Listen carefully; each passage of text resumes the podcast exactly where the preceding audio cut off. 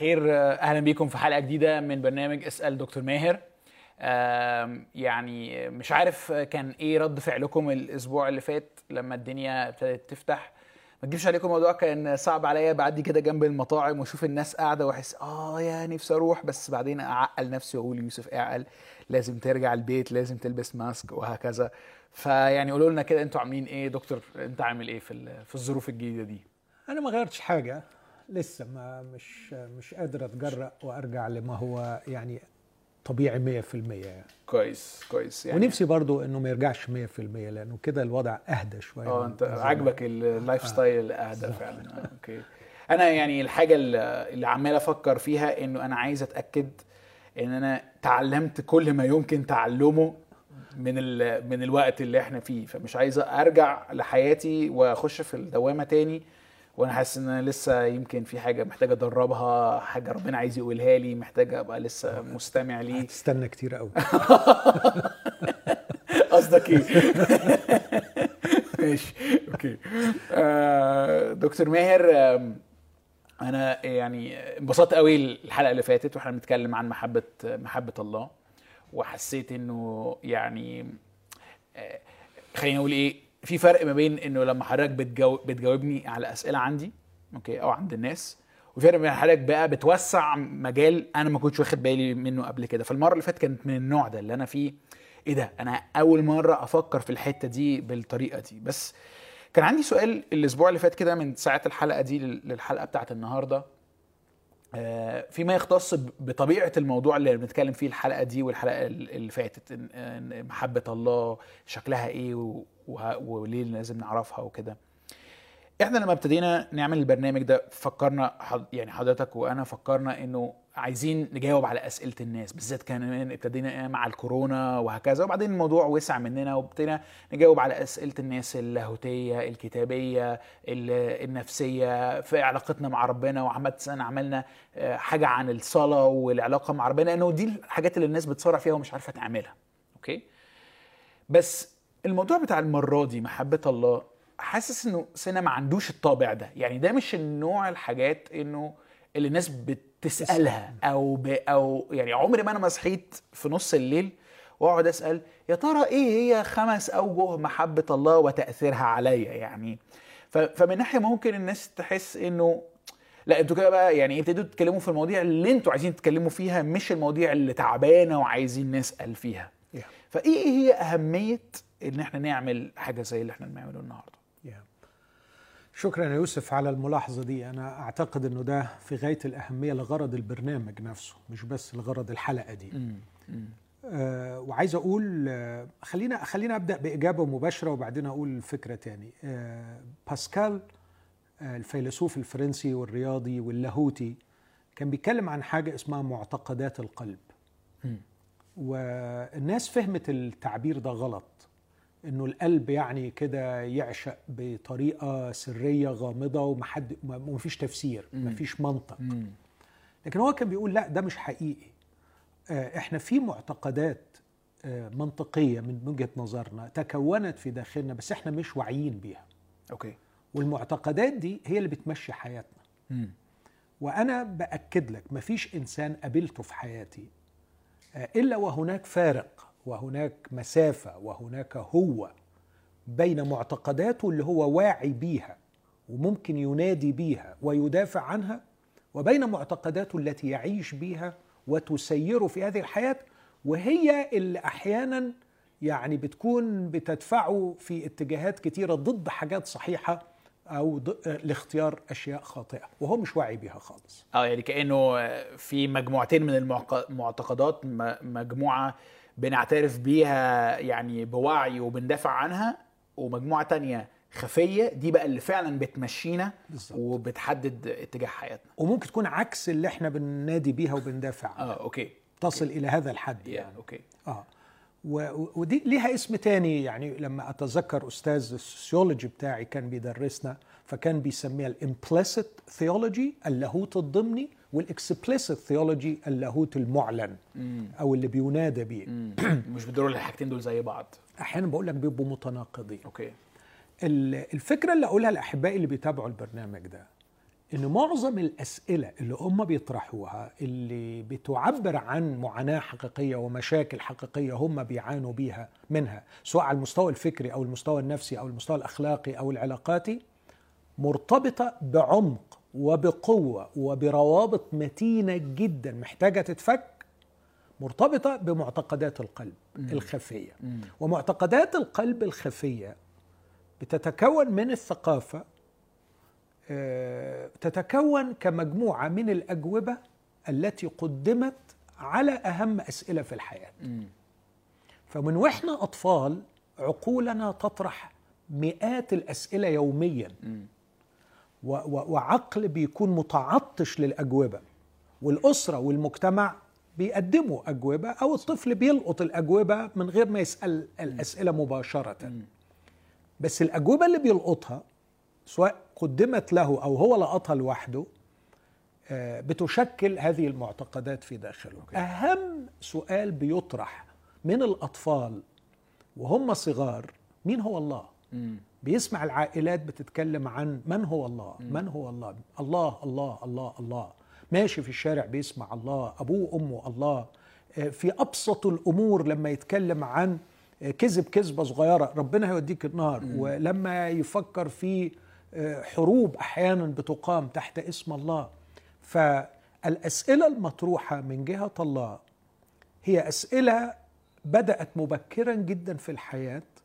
وتلقينا إجابات عنها واحتفظنا بهذه الإجابات وهذه الإجابات شكلت معتقدات قلوبنا وظننا أن ما تلقيناه من إجابات حسم المسألة وأنهى التساؤل وخلصنا على كده.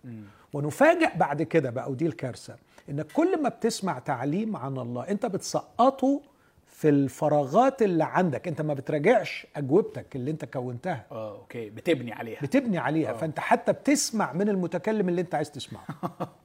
okay. فعشان كده ان إحنا نرجع نناقش ما هي معتقداتنا الأساسية من ناحية الله آه، أعتقد إن ده في غاية الأهمية لتصحيح مفاهيم كتير ولإجابة أسئلة كتير من الأسئلة بقى. اللي هي على السطح. امم لأنه ده سؤال مرتبط بيها قوي أذكر هنا اسمين في ذهني حاليا. رافي زكراياس دايما يقول إنه تصورك عن الله هو أهم شيء في الحياة لأنه هيحدد بقية أجوبتك عن كل الأسئلة. وبيقتبس هو من مورتيمر أدلر آه وده راجل فيلسوف كبير آه أوكل إليه آه آه إنجاز أو يبقى ال editor ال chief editor بتاع موسوعة الفكر الغربي. okay. ودي موسوعة من 55 volume. أعظم الكتب اللي كونت الفكر الغربي يعني أو أعظم الأفكار اللي طرحها العقل الغربي. okay. فطلع أول volume وأكبر volume عن الله. فكانوا بيسألوه يعني في احتفال تدشين هذه الموسوعة ليه اديته رغم ان أوروبا بتنحرف بعيدا عن الله؟ فكان جوابه إنه آه، الفكر المختص بالله هو أهم فكر بيشكل بقية أفكار الناس عن أي موضوع آخر. امم امسك أي موضوع آخر. امسك المصدر امسك المنشأ امسك الأخلاق امسك النهاية. أي موضوع هتلاقيه ملمس مع موضوع الله. وإجابتك عن من هو الله بتحدد كتير من الأجوبة عن الأسئلة أوكي. الأخرى. ف- فرأيك إنه مع أهمية الأسئلة اللي إحنا قضينا وقت كتير نجاوب عليها الأسئلة بقى اللي محدش بيسألها أهم. أهم. والإجابة بتاعتها هتأثر بقى على كمان بقية الأسئلة دي. يعني مع تحفظ إنه طبعا الأسئلة اللي ما حدش بيسألها آه، واللي إحنا بنطرحها المستمع لازم يضع في الاعتبار إن إحنا بنحبه وإنه لدينا خبرة بعض الشيء في الأمور الروحية والأمور النفسية. فمش بنكلمه في ال quantum physics مثلا أيوة. يعني يعني مش بنختار له أسئلة هو ما بيطرحهاش. ملهاش علاقة آه. بالمعاناة بتاعته. أيوة. فاحنا لو اتكلمنا في مواضيع هو ما بيسألش فيها مش لأن غاويين نجيب مواضيع هو ما بيسألش فيها لكن مش للثقافة العامة مش يعني. للثقافة آه، العامة آه. لكن لارتباطها العميق والحيوي جدا باللي هو بيعاني منه والأسئلة اللي هو بيسألها. okay. حلو قوي حلو قوي طيب آه، المرة اللي فاتت إحنا كنا ابتدينا نتكلم عن محبة الله. وأنا يعني آه، اثر فيا قوي واشجع يعني المشاهدين يرجعوا يسمعوا الحلقة دي علشان تحط سياق وأرضية للي هنتكلم عنه النهارده. أثر قوي فيا القصة اللي حضرتك حكيتها من توفيق الحكيم إنه في الآخر وصل بيه الحال أو هو كأنه بي يعني بيبرز معاناة إنه محبة الله دي من كتر غموضها ومن كتر تعقيدها إذا بان يعني مثقال ذرة منها الشخص ممكن يتجنن أوكي؟ آه وه- وهكذا. وكأنه يعني عايز أقول إيه؟ أنا حسيته كأنه بيعمل عذر. يعني يعني هو مش قادر حتى خالص يقرب من موضوع محبة الله ده وبيقول آه آه ما علشان مصلحتي علشان عشان أحافظ على على على عقلي يعني وهكذا.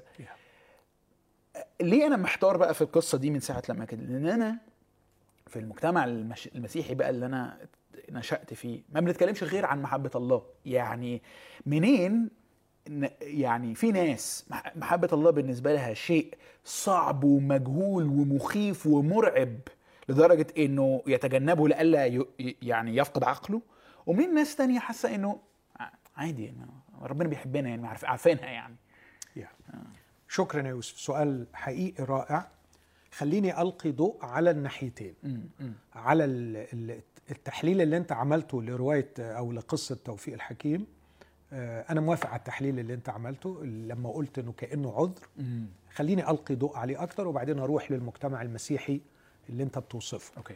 آه، بالنسبة للأولاني آه، أنا بشوف إنه دي صرخة تعبر عن حزن وغضب نابعين من شوق أو نابعان من شوق شديد. أنا محتاج للحب ده.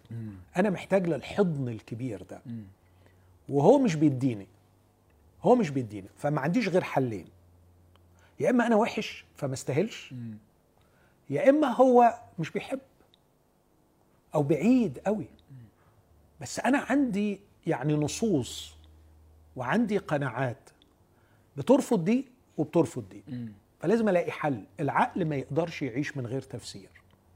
فلا أنا مش وحش قوي فأنا برضو يعني كويس وبعمل اللي عليا. وهو مش بعيد قوي هو قريب. وقريب جدا. طب أمال فين المشكلة؟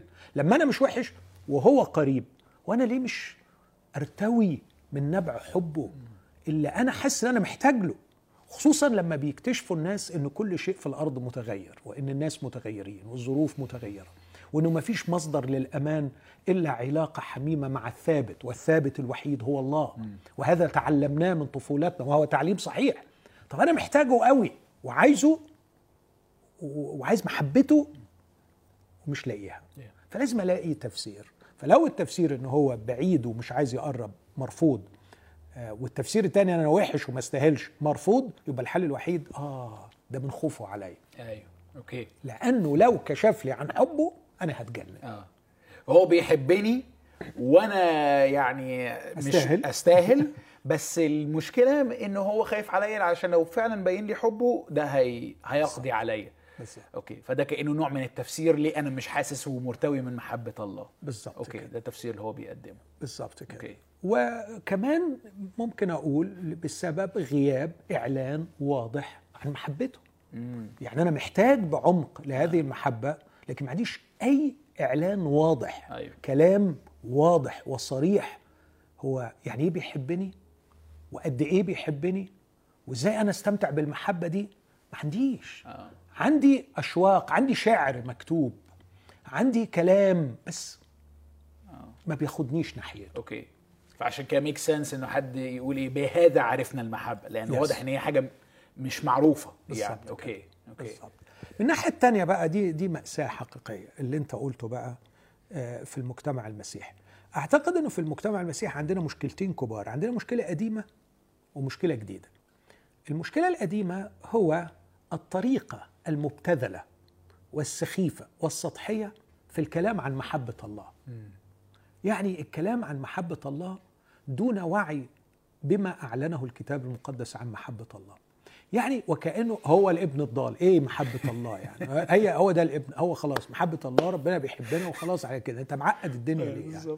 في حينك لما تقرأ الكتاب المقدس يعني لو دخلنا دلوقتي شوية في بعض الأحداث يوسف الكلام عن محبة الله يعقد. الكلام يعقد. دونالد كارسون الراجل اللاهوتي العملاق العظيم فعلا آه عامل كتاب عن صعوبة التعليم عن محبة الله. محبة الله مش كلام يعني ربنا بيحبنا. آه أنا أعتقد أنه تم التعامل بالسطحية وإسفاف مع النصوص الكتابية اللي بتتكلم عن محبة الله. وده وصل للمسيحيين فكرة سخيفة عن إله غريب وعجيب كده ممكن أبقى أدي لك تصورين يعني كاريكاتوريين عنهم بس بعد ما أخلص الفكرة دي ولو نسيت فكرني. أوكي. آه آه إنه يعني خلاص إحنا فاهمين محبة الله. أيوه. لكن في حاجة جديدة بقى. آه، مشكلة جديدة. مشكلة جديدة خلت الأزمة تتعمق وهي مشكلة الثقافة المحيطة بنا في هذا العصر. تقدر تقول في الخمسين سنة الأخيرة تقدر تربطها شوية بالبوست مودرنزم ثقافة ما بعد الحداثة. لكن حتى بدون ثقافة ما بعد الحداثة. الثقافة دي آه، اللي هي خليني أقول لك إيه يعني أحطها في كذا فكرة كده بسرعة. إنه آه، على فكرة آه ربنا لازم يحب. آه يعني يعني خلينا أقول للدرجه آه، شيوع الكلام عن محبة الله للدرجة التي أصبح الإنجيل خبرا غير مفرح. آه عادي يعني. عادي. آه يعني إمتى الإنجيل يبقى خبر مفرح؟ الإنجيل خبر مفرح لو أنا بتكلم عن إن أنا خاطي وفي غضب أيوه. وفي قضاء وفي دينونة و و وبعدين فجأة وأنا وسط معاناتي وصراعي مع خوفي ومع شعوري بالذنب ومع شعوري برفض لنفسي جالي واحد بيقول لي في خبر رائع الله اللي انت خايف منه واللي من حقه يغضب عليك بيحبك. ساعتها الخبر ده يبقى صح. ليه وزن. يعني إدراك المشكلة هو اللي ساعدني في تقدير يعني حلاوة الخبر. بالظبط. أوكي. لكن تم في الخمسين سنة الأخيرة محو تام تام لفكرة الخطية. امم لقد أزيلت كلمة الخطية من القواميس في الجامعات والبعض بيعتبر أنه استعمال الكلمة دي مجرم بالقانون. abuse abuse آه. آه. abuse للناس. ما تقولش لحد عن الخطية. ليه؟ يعني بقى مع... ليه- اشرح لي كده ال dynamics ليه ليه الفكرة دي بقت منفرة قوي أو أو مرفوضة قوي في العالم أو في يعني I think إنها نتاج وتطور طبيعي لموت الله. موت الله الذي بدأ في بداية القرن العشرين آه، بكتابات نيتشه. نيتشه مش هو آه فموت الله ده مفهوم فلسفي يعني. فلسفي آه. okay. إنه خلاص ما فيش الله. لا لا نحتاج إلى الله. آه آه okay. خلاص إحنا نقدر نعملها بسبب بقى التطور التطور. والعلم. والبتاع. وخلاص بقى ال- العكاز بتاع الناس الغلابة اللي على قدهم اللي كانوا بيلجأوا إلى الله علشان يملوا الفجوات اللي في فكرهم واللي مش عارفين يفسروها والعكاز بتاع الناس الضعفاء آه، وأخلاق العبيد اللي كان بيتكلم عنها. نيتشه فخلاص يعني ده إحنا لغيناه إحنا نحن في عصر ال- ال- ال- السوبرمان. يس فبما إنه تم موت الله أو من وجهة نظرهم فلا يبقى إلا تأليه الإنسان. فالإنسان هو النقطة المرجعية. الإنسان هو ال- ال- ال- الذي يحتكم إلى نفسه. وارتبط بيها بقى حاجات كتير يعني ارتبط بيها مثلا إنه آه، لا يوجد شيء اسمه هرطقة إلا هرطقة واحدة أنه يوجد شيء اسمه هرطقة. أوكي. لا كل حاجة مقبولة يعني. كل حاجة مقبول لا يوجد إطلاقا حق مطلق. لا يوجد حق مطلق. إلا حق مطلق واحد أنه لا يوجد حق مطلق. علشان يفضل عشان يبقى في النهاية المأساة التي حدثت في تكوين ثلاثة هو يعرف ما هو الخير وما هو الشر. فأنت لما تيجي تقول لي أنا خاطي أنت بتسلبني الحق ده. أيوه. يبقى محتاج حد بقى من برايا يقول لي إيه الصح. يقول آه. لي إيه الصح وإيه الغلط. أوكي. فأنا عايز أحتفظ بنفسي لنفسي بحق أنا اللي أحدد إيه هو الصواب والغلط. فده يتعارض تماما مع فكرة أن أنت خاطي صح. وأن الله ليه سلطة عليك. لكن كمان آه، مش بس أنا رافض أنه أنه يعني أصبح في القرن الأخير أو في النصف الأخير من في عداوة شديدة لفكرة السلطة. آه، آه، السلطة بقت شيء آه، رديء في نظرنا. أي نوع من السلطة. آه. أي نوع من السلطة. آه، ف وده فيه طبعا تفسيرات بس مش عايز أدخل فيها. بسبب الأبيوز اللي حصل لل- للسلطة السياسية الأبيوز اللي حصل للسلطة الدينية. الناس اتقهرت في الدول الناس اتقهرت في في الكنائس من الدين وسلطة رجال الدين. فرد الفعل ال- العنيف اللي طلع هو رفض أي سلطة حتى سلطة الوالدين. بقى فيه تمرد على السلطة بشكل عام. آه ومنها طبعا سلطة الله. آه فلما تيجي تقول لي إنه أنا وحش آه أنت عايز تاخد سلطة عليا. انت عايز أيوة. تستذنبني أيوه.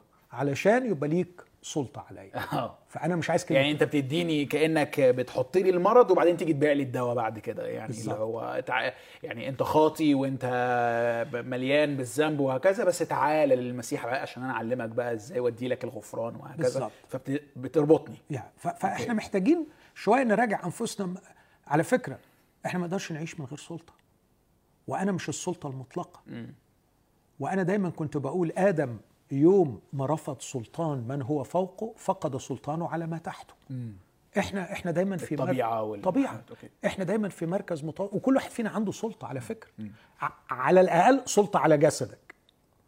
و و وكل الذين رفضوا سلطان الله عليهم فقدوا سلطانهم على أجسادهم. أيوه. ما بقوش قادرين يركبوا جسدهم. بقى جسدهم هو اللي راكبهم وغرائزهم هي اللي راكباهم. أوكي. ف- فأنا أحتاج أن أخضع للسلطة لأنه ترتيب الله في هذه الخليقة أن أكون ضمن منظومة فيها أعلى مني وفيها أقل مني. والحكمة إني أعرف كيف أخضع وكيف أدير. لكن في حاجة أخيرة بقى في النقطة دي مهمة.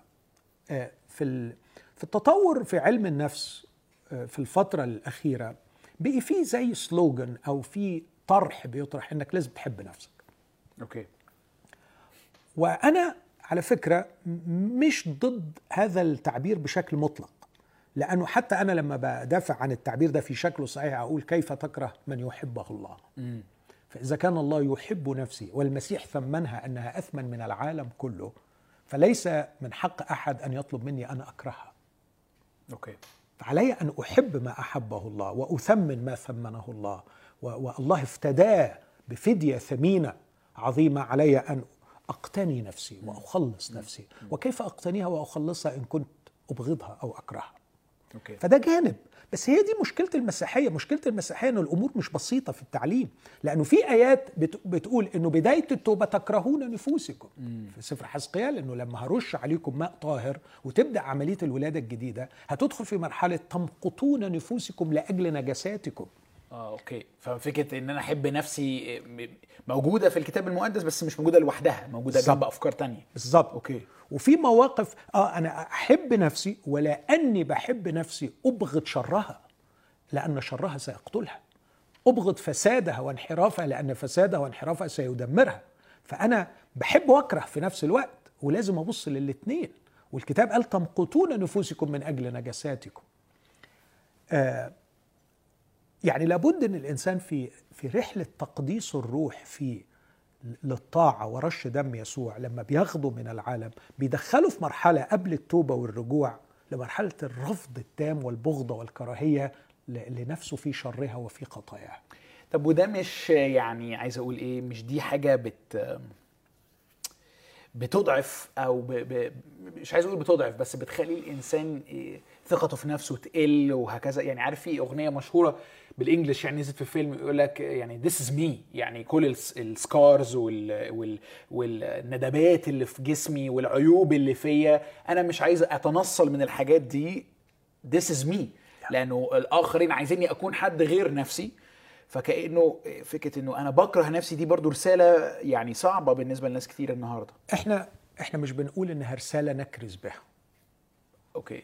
دي نقطة مهمة. لكن بقول إنه جهاد الروح القدس عندما ينير النفس على حجم أنانيتها وشرها وتدميرها للآخرين لابد أن يصل بها إلى حالة من رفض النفس وبغضتها وكراهيتها. okay. بس خبر الإنجيل هنا بيجي يقول لي على الرغم من الوضع اللي أنت فيه ده الله بيحبك. وهذه النفس أنا كتير أبدأ حديثي مع الأشخاص اللي بيبقى عندهم المعاناة دي أقول له الخطية شوهت صورة الله فيك لكن لم تمحوها. وعلى فكرة القيمة موجودة في الصورة بسبب إنها على صورة الله. ال human dignity الكرامة الإنسانية موجودة فين؟ موجودة لأني في نفسي مخلوق على صورة الله. الخطية لم تضيع هذه الكرامة الخطية لم تمحو هذه الصورة لكنها شوهتها. فبيبقى معاها رسالة الإنجيل إنه الله يحبك على الرغم من خطاياك ويريد أن يخلص نفسك من هذه التشوهات.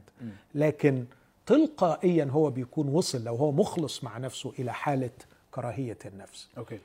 آه، علم النفس بقى كان في في السنوات الماضية بيصر على لا انقذ الناس من أي موقف تصادم فيه مع شر نفسه فكرهها لا ما تخلوش يدخل في دي خالص. آه. مؤذي ليه؟ مؤذي آه، ليه. آه واعتقد إنه ده يعني سبب دمار كتير قوي. على المستوى الأخلاقي والمستوى النفسي وإلى آخره. آه، جوردن بيترسون واحد من أكبر وأشهر ال clinical psychologist على مستوى العالم أستاذ في جامعة تورونتو.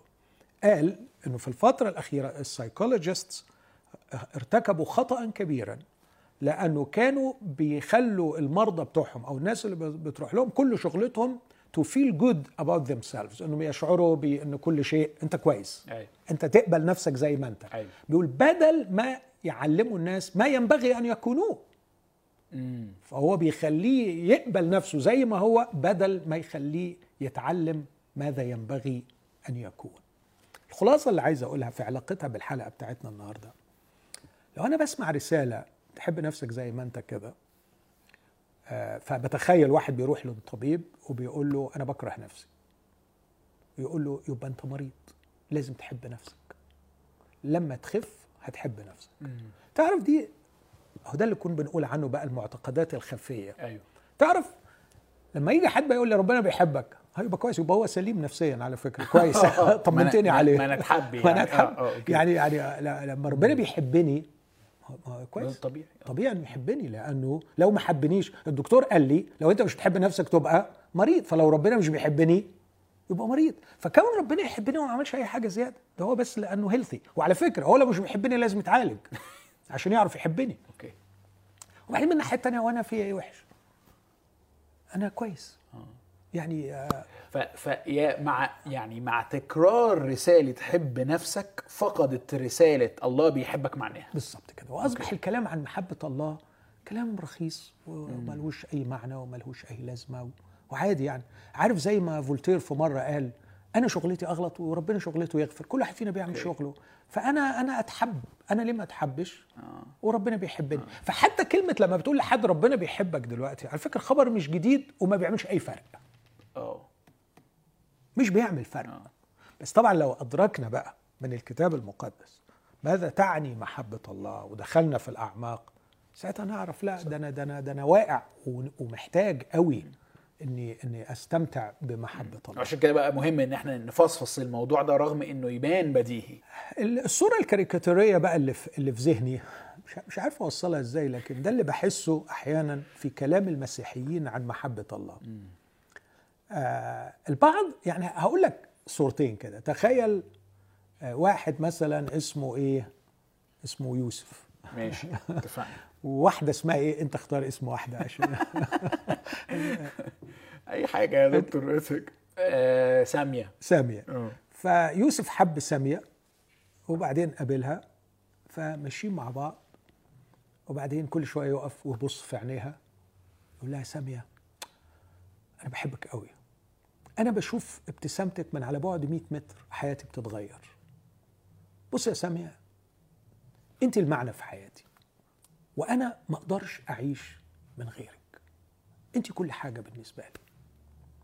ده نموذج. أوكي. النموذج الثاني يوسف بيقول لسامية بص يا سامية أنا بصراحة مش طايق شكلك.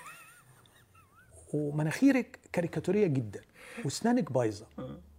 وأنا بصراحة يعني وزنك وشكلك وكلك على بعضك مش عاجبني. بس أنا على الرغم من ده كله بحبك يا سامية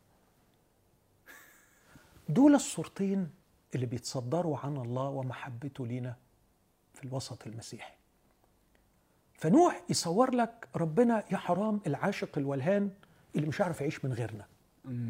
وإنه واقع في غرامنا وإن إحنا حاجة رهيبة جدا. من غيرنا ربنا يا حرام هيبقى قاعد حاطط إيده على خده وعارف لما تسمع حتى الكرازة أحيانا آه، قول yes ليسوع قول yes. وكأنه بيتخيل كده إنه propose كأنه آه كانه بي propose. كأنه بي propose. وربنا بقى يروح للملائكة she said yes يعني الحقوا ده ده دي هي قالت أيوه خلاص. في واحد رفع إيده وسلم حياته للمسيح فالكرازة أحيانا بتكون إنه إيه يعني ربنا لا على فكرة الصورة دي غبية جدا. غبية جدا جدا. لأنه الإنسان على فكرة مش هو اللي هيقعد في سماء حزين وحاطط إيده على خده عشان أنت مش بتمتع بمحبته. أنت اللي لا عمرك هتشوف إنسانية ولا هتبقى إنسان بدون العلاقة معاه. ففي تصوير لمحبة الله ساذج. صور الله ضعيفا آه، ركيكا رخيصا. آه، يعتمد حتى في سعادته وسلامه إن الباشا يتكرم ويقبل محبة الله. مم. ونوع تاني بقى وانت عارف الاسم العقائدي مش مش هذكر يعني عقائد اللي هو إن أنت رمة ومنتن وبالخطية حالتك زي الزي ويقعد يشتم فيا شتايم كتيرة بس يقول لي بس على فكرة ربنا اخلاقه عاليه وبيحبك وبيحبك. رغم ده طبعا دي صورة غبية وسخيفة جدا لأنه لا على فكرة ربنا يعني مش بإنجليزية أقول يعني مش بيعصر ليمونه عشان يحبني مم. هو يرى فيا قيمة أنا فيا intrinsic value okay. إني مخلوق على صورته. okay. وبعدين هو على فكرة مش بيتأذى يعني إنه يحبني. هو بيمارس جوهره وطبيعته وهو بيبقى مبسوط وهو بيحبني. فولا هو مدلوق ولا هو مرغم. يعني يعني بس okay. الصورتين اللي بيت بي بينادى بيهم في المسيحيه أنت تبص تلاقي فيه مبشرين أو واحد معلمين حتى. أيوه. بيكلمك عن الله. إنه إلحق اعمل معروف اعمل معروف إلحق بقى خلاص لأنه هو تعب قوي كده بسبب بعدك عنه يعني. ونوع تاني تلاقيه دايما مكشر وغضبان و- و- وعمرك ما تلاقيه سعيد. وبيكرهك كده في نفسك علشان يعني أنت أنت أنت أنت ولا حاجة وهو في ذوقه وأخلاقه ومحبته بيقول لك بحبك بس أنت شكلك ما تستاهلش. فدول طبعا يعني آه تو- يعني تو تع- extremes. وجعتني عارف يعني يعني عمال فعلا أفكر في في ال... في نفسي وفي الطرق اللي أنا عبرت بيها أو سمعت بيها و طب هل أنا يعني مبالغ زي- في الصورة الكاريكاتورية دي؟ مش حاسس إنه إنك مبالغ يعني هي طبعا هي ما الكاريكاتور بطبعه بي. بيبرز ال... يعني. العيب هي عمرها ما هتتقال بال... بالطريقة الفجة دي يعني. لكن فعلا ممكن في أوقات كتيرة قوي نقدم ال... نقدم الله على إنه هو اللي محتاجنا مش إحنا اللي محتاجينه مش إن إحنا في أزمة حقيقية آه وربنا هو فعلا الم- المخرج الوحيد لينا لأنه بيحبنا ده من ناحية ومن ناحية تاني فعلا التركيز العام على إنه أنت ما منكش أمل أنت أنت يعني أنت زفت يعني بس ربنا لأنه يعني من كثرة محبته التي أجزلها لنا في المسيح يسوع بيحبنا فحس على دمك على يعني. ستيل اي ثينك إنه الاثنين موجودين. بس والسؤال بقى طب هتعلمنا إزاي نعبر عن الحقيقة؟ يعني يا هنحاول آه. هنحاول. أنا يعني نفسي بس اكد على إنه أنا فعلا فعلا مش محاولة اتضاع أنا بصارع مع النصوص الكتابية بجتهد إني أفهم. كل يوم بكتشف إن في مصاعب آه، كنت بهرب منها أحيانا لأنه مش عارف لها حلول. ولكن هنفضل طول عمرنا صغيرين وبنحاول نتعلم من الكتاب. آه، آه، واحدة من المحاولات اللي اتعملت في الاتجاه المسيحي آه، واتعملت من ناس كبيرة يعني يمكن لأول مرة ألاقي نفسي مضطر يعني مش أعمل نقد لكن أتحفظ شوية على الاستسهال في يعني في التعليم اللي بي اللي بيقسم لما تيجي تتكلم عن المحبة في الكتاب المقدس يقول لك في إيروس فيليو وفي أجابي وفي الاستورجو آه. بس يعني الثلاثة الأولانيين دول اللي بيتم التركيز عليهم.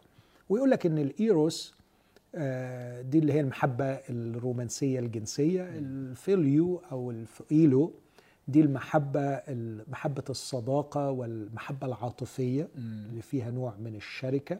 وهي actually الكلمة يعني آه، قريبة الكلمة تاني فيها معنى القبلة يعني أو الشوق وال... أوكي. والمحبة الثالثة هي الأجابي آه، ودي اللي بيسموها المحبة الإرادية المضحية يعني دي مش عواطف ومشاعر لكن ده فعل وتضحية مم. وألم مم. و- وبرضه تم تصدير هذه الفكرة أنه الأجابي هي المحبة الإلهية مم. وده فيه إجحاف. آه، وفي جنوح شوية ناحية الفكرة اللي اللي كنت بقولها في الآخر أنه الله ما عندوش عواطف من ناحيتي آه، لكن هو بس آه، بسبب طبيعته وجوهره اللي هو محبة خد القرار والفعل وضحى من أجلي and that's it. لكن مفيش فكرة الشركة أو الصداقة أو ال- الجانب الأولاني ده. التقسيمة دي مش دقيقة. وخليني أدي لك أمثلة. أوكي. يعني م- مثلا واحدة من أبشع قصص الحب الجنسي في الكتاب المقدس هي قصة أمنون وثمار. دي موجودة في العهد القديم في صمويل الثاني موجودة القصة دي في اصحاح 11 في الترجمة السبعينية شيء غريب جدا لما ترجموا العهد القديم لليونانية. مستعملين في وصف حب أمنون لثمار أجابي. غريبة قوي. مع ان حب أمنون لا علاقة له بالمرة بالأجابي. آه، تعال مثلا في العهد الجديد آه، لما بولس يقول ديماس قد تركني لأنه أحب العالم الحاضر. أجابي. في إن ده نوع من الحب الرديء. صح. آه، تعال بقى مثلا لكورنثوس الأولى 13 وده أعظم أصحاح عن المحبة. المحبة.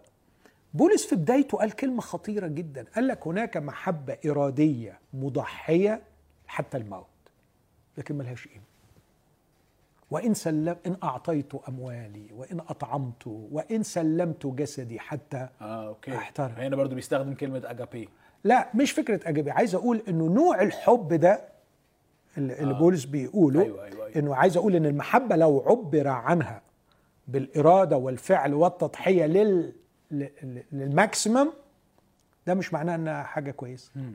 لأنها حصلت أهي هو بيقول. أيوه صح. فلا أنتفعوا شيئا. okay. آه، مثلا في يوحنا ثلاثة ويوحنا خمسة آيتين من أهم الآيات اللي هنحتاجهم وإحنا بنتكلم عن المحبة الباطنية الثالوثية. آه، المرتين بيقول الآب يحب الابن. في يوحنا ثلاثة استعمل أجابي في يوحنا خمسة استعمل فيليو. وما تقدرش بقى هنا تقول ليه يعني ما, ما تقدرش. يعني التقسيمة اللي هي يعني حادة قوي ما بين الأربع أنواع محبات مش بالضرورة تبقى بالظبط. يعني كتابية قوي يعني. فعايز أقول إن ال word study هنا ما تساعدكش كتير في فهم. okay. ال word study إنك تاخد كلمة واحدة وتحاول تشوفها بتستخدم إزاي في الكتاب المقدس. كله. آه يعني هيبقى الأمر أهم على الفهم اللاهوتي وعلى القرينة اللي موجودة علشان تقدر آه تفهم محبة الله. عشان كده أنا قلت من المرة اللي فاتت متاثرا في هذا بأستاذي دونالد كارسون إنه لما نقرأ الكتاب المقدس بالعهد القديم والعهد الجديد نلاقي مش خمس أنواع من محبة الله اطلاقا مش بقول خمس أنواع لكن بقول ولا بقول دي كل الطرق اللي ربنا عبر بيها عن محبته لكن اللي قدرنا نلقطهم من الكتاب المقدس وقد يكون هناك أكثر مش واخدين بالنا منه إنه الكتاب يتكلم عن محبة الله من خمس أوجه. okay. ولازم الخمسة تاخدهم مع بعض. وما تقدرش تعمل إيه؟ absolutize واحدة وت relativize الأربعة. يعني ما تقدرش تخلي واحدة هي المطلقة والباقيين. والباقيين okay. يتبعوا. لا. لو عملت كده وممكن أدي لك أمثلة هتلاقي في أخطاء كبيرة جدا لاهوتية وروحية هنقع فيها. okay. فال فالخمس أوجه يعني آه، بعد كل اللي إحنا حكينا فيه دي واحد يسال ويقول طب أنا أتعلم إزاي عن محبة الله في الكتاب المقدس؟ أقول له ادخل وأنت في ذهنك الخمسة دول علشان تعرف كيف يعبر الله عن محبته. okay. الخمسة دول ممكن أنت تقولهم قلناهم المرة اللي أيوه فاتت. أيوه. آه المحبة الباطنية الثالوثية المحبة المعتنية العامة المعتنية المحبة المشتاقة الداعية المحبة الإرادية المتسامية المحبة المشروطة التبادلية. تعال ن- نحاول آه يعني ال- الأولى الباطنية الثالوثية دي من الأزل. مم. دي بين الأقانيم. okay. و- وفي آيات كتيرة ممكن نبقى نقف قدامها. فدي شوية آه، موجودة في جوهر الله وأعماق الله اتكشفت لنا بالتجسد ومش بس اتكشفت لنا بالتجسد حاجات كتيرة من أعمال محبة الله اللي بنشوفها في الأدوار اللي بتلعبها الأقانيم الثلاثة هي انعكاس لما يدور في داخل الذات الإلهية. يعني ال ال ما هو في جوهر الله يظهر في أدوار الله. okay. في أعمال زي ما بيقول اللاهوتي الكاثوليكي آه، رانر. أيوه. إنه ال immanent Trinity بتبان في ال economic Trinity التعبيرات دي لاهوتية مش ضروري نربك روحنا بيها لكن آه، ما يعتمل في داخل الذات الإلهية هو الذي يرينا معنى ومفهوم ووضوح للأدوار اللي بتلعبها okay. الأقانيم معانا. okay. المحبة الثانية سميتها المحبة العامة المعتنية اللي المسيح بيوصفها مثلا إنه أبوكم يشرق شمسه على الأشرار والأبرار آه، إن أحببتم الذين يحبونكم فأي فضل لكم. محبة عامة لكل البشر بالتساوي. الله يحب الجميع. ويعتني بالجميع. درجة الرسول بولس تخيل. أعظم وأكثر رسول اتكلم عن الخلاص اتكلم عن الاختيار اتكلم عن الإنجيل اتكلم واتكلم بولس يقول في تيموساوس الأولى خمسة الله مخلص جميع الناس ولا سيما المؤمنين. أوكي. يعني الله مخلص أنا مش الخلاص الأبدي. أيوه. لكن الله مهتم ويحب الجميع ويسمع دعوة الداعي من أي خلفية من أي عقيدة إنسان. فالله okay. بيخلص الجميع okay فدي محبة عامة معتنية okay ال- النوع الثالث اللي سميته المحبة الداعية أو المشتاقة الداعية اللي هي بقى تشوف تعالوا إلي يا جميع المتعبين مم. اللي أنا لما قلت لا وده خلينا بالمرة أقول إنه لما مش عارف أقولها بالعربي إزاي إنك تخلي واحدة فيهم مطلقة وت- وترجع الأربعة آه دي. اللي الناس ساعات بيعملوها مطلقة مثلا آه. إنه ال- ال- ال- الكاريكاتير اللي رسمته لك اللي يبين لك إن الله مش يعني حرام هيبقى في عذاب من غيرك. أيوه. لو أنت خليت دي مطلقة هتبقى كده. okay. لكن ال- المحبة اللي بعديها الإرادية المتسامية إن الله بيحبك in spite of على الرغم من ممكن التاني ياخدها. أيوة. لو خلاها مطلقة يعني يكرهك في روحك ويقول لك بس معلش ربنا برضو. Okay. ففكرة الكاريكاتير إن هو مبني على حقيقة صحيحة لكنه م- مبرزها ومسلط الضوء عليها على حساب حقيقتين تانيين أو أربعة. حقيقة أخرى. الأربعة. الأربعة التانيين. Okay. آه. هم الخمسة يمشوا مع بعض. أيوه يعني إحنا لو خدنا مثلا آه، حتى المحبة الباطنية الثالوثية الم- اللي من جوه دي. لو ركزت عليها تحس إن الله محصور في ذاته. محصور في ذاته وهيبقى عندك مشكلة كبيرة قوي. آه، ما أقدرش أقول إنه ال- الأب يحب الابن ويغفر له. وأنا محتاج للغفران ومحتاج محتاج اختبار الحب في أن يغفر لي خطاياي. أنا بقى مش لاقي بقى فين الغفران دي. يعني sorry يعني إحنا كده عارف لسه هتكمل النوع الخامس بس أنا فين محبة الله الغافرة الغير مشروطة مثلا؟ يعني آه دي في, موجودة. في الرابعة في في المحبة الإرادية المتسامية. آه okay. إنه على الرغم من خطاياك أنا هغفر لك. Okay Okay. وأنا هصالحك وهشفيك وهرجعك ليا. على الرغم من. Okay. فكرة إنها بتتسامى فوق الخطية. يعني الخطية. Okay Yes. تمام حلو قوي رغم إنه متألم من خطاياي أيوه. لكن عنده حل ليها. Okay. وأوجد حل ليها وحل عظيم. آه. آه، ف- ف- فالمحبة الأخيرة اللي هي الم- المشروطة أو التبادلية إنه عندنا نصوص واضحة وصريحة إنه آه، ال- إنه الذي يحفظ وصاياي أنا أحبه وأظهر له ذاتي. يوحنا 14 يوحنا 15 نفس الكلام. آه، أنتم أحبائي إن فعلتم ما أوصيتكم به. هتروح فين من الآيات دي؟ فأنت لو خدت النوع ده وخليته أبسوليوت مطلق هتوصل لنتيجة خطيرة جدا ان محبة الله مشروط مشروطة. بالكامل آه. بالكامل. أوكي. وتبقى يعني شوهت الباقي. ف- فعشان كده بقول إن إحنا محتاجين ندخل في الكتاب وإحنا بنستوعب أو بنحاول نستوعب محبة الله لينا من خلال الأوجه الخمسه دي. طب- وطبعا برفض كمان الكليشيهات. يعني أحيانا بستعمل كليشيهات آه، المحبة غير المشروطة. المحبة غير المشروطة. كلمة جميلة قوي. بس على فكرة مش دقيقة. لأنه في أنواع محبة مشروطة. Okay. يعني النوع الخ... الخامس ده مشروط. مشروط. فيمكن ينفع أقول إنه في جانب من محبة الله غير مشروط وجانب آخر مشروط؟ بالظبط. Okay. بالظبط. Okay. فعشان كده بقول هي دعوة للاتزان أن نتعمق في فهم محبة الله. Okay. Okay. و- وده يحط كمان دور علينا لأنه الطريقة اللي أنت بتتواصل بيها مع ربنا هت ليها تأثير على إيه نوع المحبة اللي أنت عارف تستمتع بيها. بالظبط. Okay. طب sorry فين في الخمسة دول؟ أنا عارف إن أكيد هنقعد نتناقش فيهم شوية. فين المحبه الأبوية؟ أشوفها في أكتر من حتة. يعني في المحبة الباطنية الثالوثية هنيجي كلام كتير إن الآب بيحب الابن. Okay. والابن لما بيحب الآب بيستمتع بالمحبة الأبوية. يقول لكي يعلم ليفهم العالم أني أحب الآب ليفهم العالم أني أحب الآب وكما أوصاني هكذا. أفعل. إنه آه، يقول لأني في لم يتركني الاب وحدي لأني في كل حين أفعل ما يرضيه. شوف قوي جو المحبة الآبوية Okay. في النوع الأول. Okay. لكن كمان لما الله بيعتني بكل الخليقة بيعتني بيها من من منطلق إنه أب للجميع. آه، آه، آيات كتير قوي بتقول إن الله أب مصدر للكل. فل- فاعتناؤه بكل الخليقة نابع من أبوته للبشرية باعتبارها خليقته لما بولس يصادق على بيت الشعر ويقول لأننا ذرية الله. به نحيا ونتحرك ونوجد. ممكن ألاقيها آه، في ال- ال- المحبة الداعية المشتاقة دي دي بتاعت الابن الضال. ففي فممكن ألاقيها في كل الأنواع. أوكي. آه فهمت قصدك فهمت قصدك. يعني دي دي ال- الخمسة دول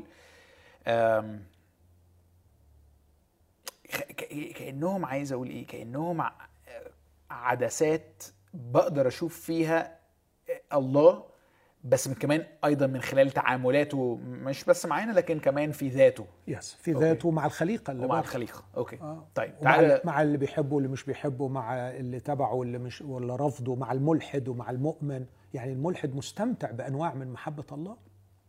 أكيد. يعني okay. طيب حضرتك دلوقتي عايز تشرحهم لنا بقى واحدة زي ما واحدة. تمسكهم. يعني أنا شيء يعني إحنا كل مرة بنبقى إيه بن... بنيجي نخش في موضوع وبعدين يفتح مننا. بس أنا رأيي يعني بناء على الجزء الأول من الحلقة النهارده اللي فيها فعلا إحنا محتاجين نمسك الأفكار دي ون... ونفصصها علشان نمتحن ال- اللاهوت الضمني بتاعنا. أنا شايف إنه مهم مهم نعمل كده. ف... فتعال تعال نمسكهم واحدة واحدة وحتى لو أخذت أكتر من حلقة يعني. آه، المحبة الباطنية الثالوثية خصوصا التعبير صعب يعني كمان فمحتاج باطنيه شرح يعني. باطنية يعني آه، داخل الذات الإلهية آه موجودة من الأزل آه، قبل أن حتى تعلن لنا كبشر. آه، فالله هو الباطن والظاهر. فحتى نقول أحيانا يعني في تعريف أقنوم الآب أو وظيفته آه، يبطن كل السمات الإلهية والإبن يظهر كل السمات الإلهية والروح يوصل لنا السمات الإلهية. الآب يبطن Yes. الص- الصفات الإلهية يعني كلمة يبطن دي يعني في الداخل يعني. آه. يعني بنحاول نستعمل اللغة العربية الباطن والظاهر. Okay okay ف ف okay. ف فكأنه الله في ذاته في لو أنت بتفكر في كل الصفات الإلهية والقدرات الإلهية موجودة يعني نقدر نشوفها في الآب آه. وموجودة في الابن بس الابن الدور بتاعه هو يظهرها. الإظهار. آه. فهو دائما التعبير هو الكلمة. امم فعندما الله ينطق ويتكلم ويكشف ويبين هذا عمل الابن. أوكي. فلو الكلمة هي يعني لو هستخدم التشبيه الكلمة هي تعبير عن اللي جوه فاللي جوه ده هو الباطن ده اللي حضرتك بتتكلم. Okay. بالظبط. فهنا بقى المفهوم كأنه الآب عنده ما هو باطن والابن يظهر ما هو في الآب لنا. بالظبط. وعشان okay. كده قال من رآني فقد رأى الآب. Okay okay. يعني لأنه الآب صعب تشوفه. بالظبط. Okay. يعني وصعب نشوفه لاعتبارات في ذاته. يعني اعتبارات في ذاته ما يقدرش. يعني مش هينفع. Okay. يعني صح. والروح القدس بقى بيخليها بدل ما هي آه، إظهارة مرة واحدة من 2000 سنة لا يعني آه، يوصل بقى التعبير ده لكل شخص يشركنا. على مرة. يشركنا. Okay حلو. عشان كده اسمها شركة الروح القدس. Okay okay. محبة الله الآب ونعمة ربنا يسوع وشركة ومع وشركة الروح القدس. أيوه Okay. فالروح القدس هو الذي يشركنا مش بس مع بعض لكن يشركنا كمان مع الله. امم امم فنصير شركاء الطبيعة الإلهية. Okay. من خلال سكن الروح القدس okay فينا. Okay. يعني ف ف يعني عايز أقول إنجاز لنا ده مش تقسيم دقيق أيوة. لكن إنجاز لنا نقول الله الآب الباطن الله الابن الظاهر هو الله عندما يظهر. حلو قوي يعني. إحنا كل ده بنحاول نشرح إيه؟ باطنية. باطنية. Okay. آه طبعا آه لابد أن أقر إنه في أجزاء صعبة عليا وأنا ما زلت بشتبك معاها وما زلت بحاول آه أفهمها. وخلينا أقرأ معاك نص ونحاول نشوف فيه نوع المحبة ده. Okay. في يوحنا خمسة آه القصة معروفة القرينة بتاعتها أنه الرب يسوع يوم السبت راح على بركة بيت حسدة وانتقى من هناك مريض كان ليه 38 سنة وقال له قوم احمل سريرك وامشي. أيوه. والراجل قام شال السرير ومشي يوم السبت آه، فاليهود مسكوه لأنه كسر القانون. ليه كسر القانون لأنه كانت ال- عارف أنت اللائحة التنفيذية لشريعة يوم السبت هو إنه ممكن الراجل يحمل حمل يوم السبت لكن بشرطين يحمله في في المنطقة بتاعته. وما يكونش أعلى من كتفه okay يعني. تفصيل تفصيل يعني آه. okay بس الراجل ده هو مش من أورشليم. وشايل السرير بتاعه في أورشليم والسرير أطول منه. فكده يعني ضيع نفسه. okay. فآه فاللي كسر هنا هو ال- الرجل الراجل. okay. آه، لأنه شايل سريره يوم السبت فعمل ال- ال- الشرطين كسرهم يعني. فالناس مس... وقالوا له إزاي تمسك سريرك؟ خدوه لل... لل... للشرطة يعني أو خلينا أقول ما أعرفش اسمهم إيه بقى دول المطوعين. السلطات. بتوع- آه. آه. السلطة الدينية. أيوه. فقال لهم أنا ماليش دعوة. هو اللي شافاني قال لي أعمل كده. فلبسها في يسوع آه، المهم القصة تمشي. طبعا إنه الراجل ده الرب يسوع بعد كده لقيه في الهيكل فقال له ها أنت قد برئت فلا تخطئ لئلا يصير لك أشر. لا تخطئ أيضا لئلا يصير لك أشر. فالراجل يعني فعلا شخصية غريبة و- و- و- وسخيفة راح واخد بعضه وراح بلغ اليهود قال لهم على فكرة الراجل اللي كان قال لي أشيل سرير يوم السبت هو يسوع. فراحوا بقى اليهود عايزين يقبضوا على مش بلقط أنا الدراما دي وأنا. بقرا أوكي بس يعني حلو حضرتك بتعمله يا. وده ودي طبعا إحنا ممكن نتفرع فيها دي إنه الشفاء الجسدي على الرغم من عظمة المعجزة ما غيرش أخلاقه وفضل قليل اصل زي ما هو أيوة، يعني أيوة، صح، يعني وراح صح. بلغ عن يسوع صح. يعني. والناس اللي شافوا عالوا هم إن هو شال سريره مش إن هو قام ومشي. يعني فاه بالظبط. في يعني- غلاسه عامة يعني أوكي وده يورينا برضو فكر سخافة فكرة إنه إيه لو ربنا عمل معجزة كل حاجة هتتصلح. هتتصلح. لا الراجل اتصلح ولا الناس اللي شافوا المعجزة. صح. هتصلح صح. والرب يسوع يقول له لا تخطئ لأل أيضا لئلا يصير لك أشر. يعني يا ابني ارحم روحك. اللي أسوأ من المرض هي الخطية. أيوه anyways. فعدد آه مش قصده إنه احتمال تعيا تاني لكن لا لا هو آه. يصير لك أشر أشر بقى حاجات تانية. يعني. okay okay. بيقول ولهذا كان عدد 16 من يوحنا خمسة. معك كان اليهود يطردون يسوع ويطلبون أن يقتلوه. لأنه عمل هذا في سبت. كنت أتوقع لهذا كان اليهود يكرمون يسوع. ويحبون يسوع. ويطلبون أن يكرموا يسوع. لأنه لأن- شافها مرضاهم شفى مريضا. لت- لأنه أصلح حال أسرة لأنه أنقذ حياة إنسان. لكن المجتمع الديني ما يفكرش في الإنسان. مم. المجتمع الديني يفكر في النص. أيوه. والإنسان يغور في داهيه أيوه. مش مش قضيته الإنسان. أوكي. بس الرب يسوع لما جه للعالم كانت قضيته الإنسان وهو صاحب القول الخالد. السبت إنما جعل من أجل الإنسان وليس الإنسان من أجل السبت. والسبت هنا بيعبر عن كل المنظومة الدينية. بالظبط. أوكي. فالإنسان هو الأهم. مم. الدين بنصوصه المحفوظه وصيغه الموضوعه زي ما توفيق الحكيم بيقول موضوع من أجل الإنسان. مم. فأجابهم يسوع. بص بقى رد الرب يسوع.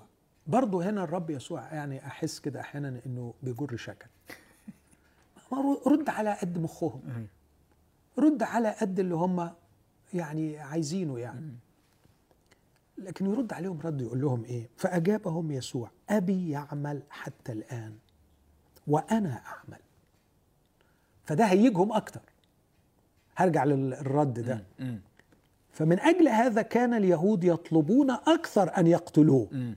لأنه لم ينقض السبت فقط بل قال أيضا إن الله أبوه. أبوه معادلا نفسه بالله. الحتة دي جميلة لما تعرف الخلفية بتاعتها. هم كان عندهم برضو سؤال بتوع الدين دول يسألوا في حاجات عجيبة. طب هو ربنا بينقض السبت ولا بيحفظه. سؤال كويس. آه فكان عندهم نقاش كبير بينهم وبين بعض. طب الله بيعمل حاجات يوم السبت. فهل آه بينقض السبت ولا ما بينقضهوش؟ فكان ردهم لا ما بينقضش السبت. ليه؟ علشان حاجتين إنه بيشتغل في المنطقة بتاعته فالكون كله منطقته, منطقته. وإحنا النص اللي حطيناه إن الواحد ممكن يشيل شيلة آه في المنطقة بتاعته. آه. والحاجة اللي ما الثانية بيرفعش حاجة أعلى من مش كده أعلى من كتفه لأنه مفيش أعلى من ربنا. ده بقى اللي هو فعلا أنت بتقيف ربنا إنه يبقى على مقاس ال- ال- ال system اللي أنت حاطه بالظبط. يعني. وده اللي بيحصل. okay. فهو فاهم ال- الحتة دي بتاعتهم. فقال لهم على فكرة. أنتوا حللتوا له آه. إن هو يعمل. آه. لأنه بيعمل في الكون اللي هو منطقته وما بيعملش حاجة أعلى من كتفه فأبي يعمل حتى الآن. آه. وأنا أعمل. آه. وعشان كده بقى ده اتهام بقى انه أنت كده بتعادل نفسك أوه بالله. أنت بقى بتخلي نفسك زي ربنا. آه okay okay. لا إحنا مسكناك بقى كده. أوكي ده انت كده بقى محتاج الموت. مش ما نقضت السبت لكنك تعادل نفسك بالله. أبي يعمل حتى الآن وأنا أعمل.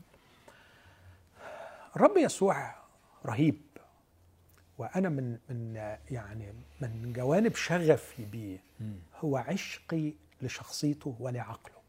أنا بحب عقله. وبشتاق فعلا إن يكون عندي شيء من هذا الجمال يعني اللي اللي, اللي فيه. إنه مش بيريح الزبون مش بيريح الناس لكن يكشف أشياء كثيرة. وممكن قوي الكلام بتاعه يبقى ليه كذا لير كذا طبقة. فلاحظ في الرد اللي هو رده لهم ده آه، خبط في مفهومهم عن الله ومفهومهم عن آه، ليه الله يشتغل يوم السبت. لكن كان يريد أن يكشف شيئا أيضا عن حقيقة نفسه.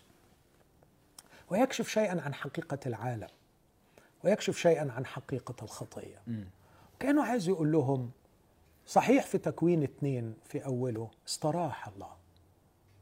استراح الله من جميع اعماله لقد نصب الهيكل. عدن. كانت هي المقدس. وعدن كانت جبل على فكرة مش بس جنة. صح. وكأن الله في مقدسه والكاهن موجود. لكي ما ينشر صلاح الله وبره في كل الأرض ويجعل كل الأرض هي مقدس الله. فده كانت المهمة الأساسية للإنسان. آه وغرس الرب الإله جنة عدن ووضع فيها آدم باعتبار ده الهيكل ده المقدس بتاعه. عشان لو تاخد بالك بعد كده قايين لما اترفض يقول لك وخرج قايين من لدن الرب. أيوه. لكن اللي حصل ده تكوين اتنين. واستراح الله من أعماله. لكن في تكوين ثلاثة الخطية دخلت. وأول ما دخلت الخطية ضاعت الراحة. وعلى الفور ابتدأ الله يعمل. فإحنا في تكوين ثلاثة بنشوف الله بيعمل. نشوف الله بيعمل كالفادي. آه فهو يعني ال- استراح يو اليوم السابع آه، كمل عمل بقى بعدها لما الخطية دخلت؟ دخلت الخطية خلاص okay. ضاعت الراحة. okay. آه آه آه آه. okay. يعني لا توجد راحة والخطية موجودة okay. وعلى طول شفنا الله ابتدأ في العمل سواء عمله كالقاضي والديان عمال يصدر أحكام قضاء وأحكام لعنة وأحكام وأحكام وكمان عمله كالفادي لما بيصنع أقمصة من جلد وبيلبس okay. آدم وحواء. فمنذ أن دخلت الخطية لقد ضاع السبت. وعشان كده كاتب العبرانيين يقول لك كلمة عبقرية بقي سبت لشعب الله لأننا نحن المؤمنين ندخل الراحة. متى سندخل السبت الحقيقي؟ في السماوات الجديدة والأرض الجديدة. أوكي. عندما يقول هوذا مسكن الله مع الناس وما يكونش فيه التعب لكن طول ما فيه الخطية ما فيش سبت. okay. معلش يعني أنا مبسوط طبعا بكل اللي حضرتك بتقوله بس أنا تهت بقى دلوقتي إيه علاقة كل ده بمحبة الله الثالوثية الباطنية حاضر أنا بشرح لك ال- القرينة آه، okay. اللي أعلن فيها المسيح أيوة. الإعلان ده بس okay. على الأقل راح قال لهم عندما ترونني اجول في الأرض أصنع خيرا وأشفي عندما ترونني أتعاطف مع المكسور والمتألم والمذلول ما أنا إلا تعبير عن ما في قلب الله في السماء فالآب المحب يعمل وأنا هنا أعمل. أبي يعمل حتى الآن وأنا أعمل. فأنا مشترك مع أبي في العمل ل... لإنقاذ هذه الخليقة. أوكي. هنا ابتدينا لأول مرة نشوف إن هناك حالة من التوافق القوي جدا بين الإبن والآب. والآب. التوافق اللي يخلي المسيح يعني بص ال- الاب غالبا ده اللي كان بيشوفه الاب وعايزه إن المسيح يروح للراجل ده. آه، والمسيح عارف إنه مروحه للراجل ده في يوم السبت وشفائه بهذه الطريقة. وعلى فكرة هو دخل بركة بيت حسده فيها خمس أروقة ما اختارش غير الراجل ده. كان عارف ان ده هيعمل له مشاكل. أيوه. بس كأنه هو بيقول لهم يا جماعة أنا مش بشتغل لوحدي. أوكي. أنا ما أقدرش أشتغل لوحدي. أنا في حالة اتساق واتفاق مطلق مع الآب. فبدأنا أن ندخل للعلاقة بين الأقانيم. فأجاب يسوع عدد 18 وقال له الحق الحق أقول لكم. أهو ده اللي أقصده. لا يقدر الابن أن يعمل من نفسه شيئا. إلا ما ينظر الآب يعمل. لأن مهما عمل ذاك فهذا يعمله الابن كذلك. العبارة دي تحفة. okay. في الجزء الأول استحالة الاستقلالية بين الآب والابن في الجزء الثاني المساواة التامه بين الآب والابن okay. بص الجزء الأول لا يقدر الإبن أن يعمل من نفسه شيئا إلا ما ينظر الآب يعمل. امم هناك انسجام وتوافق تام بين الآب والابن آه. والإبن بيقول أنا ما أقدرش أستقل. ما أقدرش اعمل من نفسي. آه. أنا لما رحت شفيته يوم السبت كنت بعمل ده في تمام التناغم مع آه. الاب فدي مش آية بتشكك أو يعني ب... كأنها بتقول آه، آه، بتشكك في عدم محدودية أو ألوهية الابن. ما ال- الكمال هي لو اتثبت عند الحتة دي آه. ممكن يتفهم منها كده. أوكي. يعني يقول لا يقدر الابن أن يعمل شيئا من نفسه إلا ما ينظر الآب يعمل فيها حتة. يعني لا يقدر أن يعمل. أيوه. بس هي برضو إلا ما ينظر الآب يعمل طب هنيجي للنقطة دي طب هو مين ده اللي بيقدر يشوف كل اللي بيعمله؟ الله. بس النص الثاني بتاعها فيها مساواة ومعادلة تامة. okay، okay. لأنه بيقول لأن مهما whatever أيوه. whatever مين ده اللي يقدر يعمل كل اللي الآب يقدر يعمله؟ لابد أن يكون معادلا ومساويا له. آه وبعدين هو بقى يفسر لنا بقى الكلام ده بفكرة المحبة. لأن الآب يحب الابن ويريه جميع ما هو يعمله وسيريه اعمالا أعظم من هذه لتتعجبوا أنتم. أنا هنا أقف يعني بنعال مخلوعة زي ما بيقول الكتاب أقف بحرص أمام سمو المحبة المعلنة في داخل اللاهوت. وأول إعلان هو التكشف للآخر. فالمحبة الإلهية في داخل الثالوث في صورتها المطلقة أن تتكشف بصورة مطلقة للآخر. مم. الآب يحب الإبن وما هو التعبير عن الحب؟ يريه مم. جميع ما هو يعمله. يوسف لما نفكر في الآية دي بعمق تاخدنا لبعد تاني بعيد قوي عن مفاهيم المحبة. أوكي. مش مجرد مشاعر جياشة لكن إشراك في الإرادة والخطط وال plans صح دي اللي أنت قصدك عليه؟ مظبوط okay. يعني يعني خلينا أقول في البداية إنه ما, ما ما ينفعش تتكلم عن المحبة في غياب الآخر. مم. يعني لو مش موجود آخر هتتكلم عن المحبة إزاي؟ أيوه يعني لو الوحدانية مطلقة مجردة ما تقدرش تتكلم عن المحبة. وكلمة آخر دي لا تعني إضافة إله آخر. طبعا. أكيد يعني. okay. هتصطدم مع وحدانية الله. بالظبط وهو الله بالتعريف بالتعريف. by definition لازم يكون واحد. واحد. لأنه لو ليه شريك ما بيش الله. بالظبط يعني فعلا الله لا شريك له ولا شبيه به. دي حقائق آه، يعني بديهية. وعلى فكرة ما تحتاجش اعلان صح؟ انت لو فكرت فيها ما ينفعش يبقى في كائنين غير محدودين. بالظبط. آه. لأنه لو في اتنين لو في إلهين ده معناه إن حدود واحد بتخلص عند بداية الأخر. تاني. وما دام. قلنا بداية ونهاية يبقى ما فيش الله. بالظبط. فالله بالتعريف واحد لا شريك له. لكن لو أنت بتتكلم عن محبة الله ما ينفعش تتكلم عن المحبة في عدم وجود آخر. مم. فهذا الحب المتجه نحو الآخر في داخل ذاته. عشان كده دايما بقول إنه الله بسبب إنه هو الله له في ذاته ما يجعله مستغني بذاته عن كل خلائقه. له في ذاته ما يجعله مستغني آه. عن كل خلائقه. أوكي. ففكرة إنه إنه ربنا جواه آخر ده يخليه كائن متفرد إنه يبقى في آخر لكنه واحد مش واحد، مش بالظبط. لكنه مش أكتر من واحد. بالظبط. ولأن حياته الداخلية بكل غناها وثرائها وعظمتها لا تنبع من خارجه ولا تعتمد على خارجه فلا بد أن يكون يحوي في ذاته كل ما يلزمه لكماله بحيث يكون مستغني عن الكل. okay okay.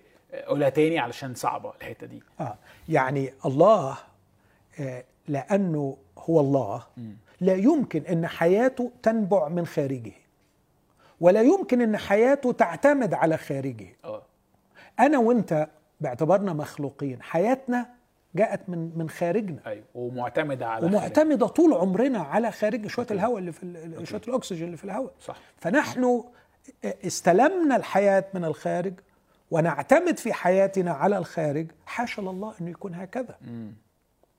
لكن الله في حياتي بكل أبعادها وثرائها وغناها الروحي ومشاعرها العاطفية وإفري كل شيء داخل الله موجود في داخلي بحيث إنه مستغني بذاتي عن كل خلائقي آه okay. فال- فالحد لو قال لك بس ربنا مش محتاج آخر علشان يقدر يحب بما إنه هو مستغني هنرد عليه ونقول له طب ما هو اللي بيخليه يقدر يحب إنه جواه آخر بالظبط. يعني ده اللي بيخليه مستغني هو مش بالظبط. مستغني كده وخلاص لكن مستغني لأجل طبيعته المتفردة بالظبط okay كده. يعني إحنا ممكن نبقى ناخد حلقة عن الثالوث لكن آه حلوة دي تبقى في آه، ناس لكن- كتيره بتطلبها مننا آه لكن دي واحدة من من آه، يعني من البديهيات إنه الله واحد دي بديهية لكن بالبديهة برضو لا يمكن لا يمكن أن يكون الله مثلنا مش ممكن يكون زينا. هو مختلف عنا في هو الهولي اذر هو ال- الآخر كلية. الله ليس مثلنا. فبالتالي إحنا بنستلم الإعلان عندما يتكشف الله ويعلن عن ذاته بنقف في خشوع ونقول آمين. أوكي. فواحدة بس هو السؤال بقى بنقول يا ترى اللي بيعلنوا عن ذاته منطقي ولا مش منطقي؟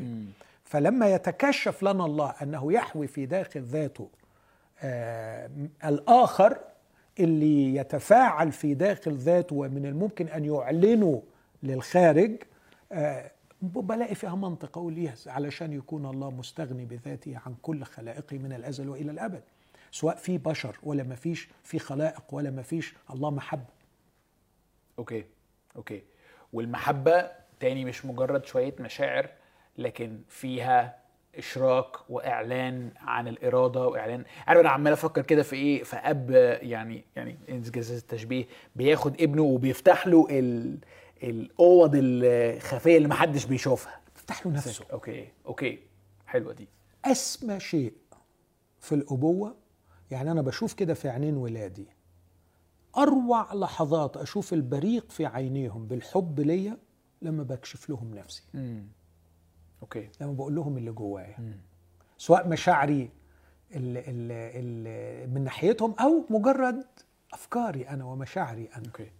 طب عندي سؤال حتة في الحتة دي يا دكتور. كتير لما بنيجي نتكلم عن محبة الله في ذاته بتنحصر النقاش في الآب والابن مع بعض. ما بفهمش قوي دور الروح القدس في العلاقة ال- علاقة الحب دي كأنه مش فيها يعني. الكتاب سماه روح المحبة في كلوسي واحد. okay. فأنا بخاف أستعمل أي تعبيرات للوصف هنا ألخبط لأن منطقة رهيبة. مم. أنت بتتكلم عن الذات الإلهية أنت مش بتتكلم عن الألم ده متركب من إيه؟ أنت بتتكلم عن الله. Yeah. فلازم أقترب بخوف وبحذر وبحرص. لكن أقدر أقول إنك لما تتكلم عن آب وابن وروح وإذا قلت إن الابن في المفهوم الإلهي طبعا ما فيش بقى مفهوم الولادة الجسدية الغبي ده إنه يعني إنه كأن الله اتجوز وخلق يعني الكلام ده كلام سخيف للغاية يعني. بتكلم عن الله الذي هو روح. فبتكلم عن الآب ال- ال- المتكلم والمعبر عن ذاته بالكلمة اللي هو المسيح. وبتكلم يعني الله هو كلمته الله هو روحه. إزاي تفصل؟ بالظبط إزاي تفصل؟ إزاي تفصل؟ يعني لما أقول إن الله واحد متكلما ناطقا معبرا في شخص يسوع المسيح الابن الذي استحضر كل ما هو الله باعتباره كلمة الله وكمان بتكلم عن روح الله أنت من المستحيل تفصل الكائن عن كلمته عن روحه؟ okay. فعشان كده الروح حاضر وحاضر بعمق في كل لحظة حب بين الآب والابن okay. الروح هو روح الله. يعني بدون روح الله ما فيش الله. okay. فهو مش مش حاضر بيتفرج. لا. okay. لا. فاعل ونشط وشريك. وعلى فكرة اللي بيخلينا إحنا نقدر نحب هو روح الله. وعشان كده اسمه روح المحبة. okay. okay. آخر حاجة أقولها لك في النقطة دي. الله بدون الخلق يظل الله. الله بدون الحب لا يبقى الله. الله بدون الخلق يبقى الله لأنه مش مضطر يخلق. مش مضطر okay. لكن ما ينفعش الله ما يحبش. okay. لأن هتهدم تماما تصورنا اللي قلناه المرة اللي فاتت. مين هو الله؟ أعظم كائن يمكن تصوره. بالظبط. okay. وتخيل كائن ما بيعرفش يحب. إذا كنت أنا بعرف أحب يعني دي حاجة. okay. تخيل لو لو لو قدرنا نتصور الله كائن لا يعرف الحب ولا يحب. هل يستحق العبادة؟ لا. ما يستحقش العبادة. وكمان بصراحة لا يستحق التعامل معه. عشان كده مستحيل يكون الله الله من غير ما يحب. لكن ممكن يكون الله هو الله من غير ما يخلق. okay. okay. فالحب جوهري وأساسي جدا. ال- الجديد هنا اللي بنفهمه من الجزء ده أن الحب أزلي. أن الحب ليس شيء حادث. أن الحب موجود في داخل أن الحب نشط أن الله مستمتع بمحبته فهو يحب ويستقبل الحب يحب ويحب من الأزل. لكن كمان البعد الجديد إنه مفهوم الحب هنا خدنا مش لحتة آه، التضحية وإعطاء و communicating myself يعني إن أنا أدي لك نفسي لكن أن أريك آه. أن أتكشف لك. okay. ولو عايز تاخد القاعدة دي هتلاقيها فينا بني البشر باعتبارنا مخلوقين على صورة الله الثالوثي. هتلاقي إنه عمق المحبة بيننا وبين بعض كأعضاء جسد المسيح في الكنيسة أو حب الراجل ومراته مرتبط بشدة وبقوة على حجم التكشف. أوكي okay. يعني كنت لسه يعني الحتة الأخيرة دي ليها علاقة بالسؤال اللي جاي. كنت لسه هسألك إيه اللي يأثر فيا إيه اللي يتغير فيا لما أتأمل في محبة الله الباطنية الثالوثيه يعني إزاي دي هي هي مبهرة و و وأنا فهمت النهارده حاجات أنا ما كنتش فاهمها قبل كده بس إيه اللي يمنع إن أنا أقول طيب ماشي ده ربنا مع نفسه؟ إيه بقى علاقة انه ربنا عنده العلاقة المحبة دي بيا؟ عشان مخلوق على صورته. okay. فهيبقى تعبيرك عن المحبة هو أن تري من تحب ما تعمله. بتعلم أحب إزاي لما بشوف ربنا بيحب إزاي يعني. okay. وهتيجي تلقائية بالشركة معه. آه مش بس بتعلم درس لكن لا. يعني بعلاقتي بالله تصير محبتي أو قدرتي على المحبة شبه قدرته كده. okay. وهب لنا المواعيد العظمى والثمينة التي بها تصير شركاء الطبيعة الإلهية. تتدفق فيا أكثر وأكثر آه، هذه ال- الفضائل. فأجد نفسي أحب من نوع محبة الله. okay. عشان كده ما فيهوش ظلمة. هذا هو الخبر الذي سمعناه منه أن الله نور وليس فيه ظلمة. هنا في ما ليس فيه ظلمة مش ما فيهوش خطية. okay. لأنه يعني عارف آه، من سخف الكلام توضيح الواضح. إنه يعني إنه لغو يعني. أيوة. إنه الله على فكرة ما فيهوش خطية. طبعا الله ما فيهوش خطية. لكن بقول ما فيهوش ظلمة يعني ما فيهوش مخفي. الله مكشوف في داخل ذاته مم. لذاته. okay.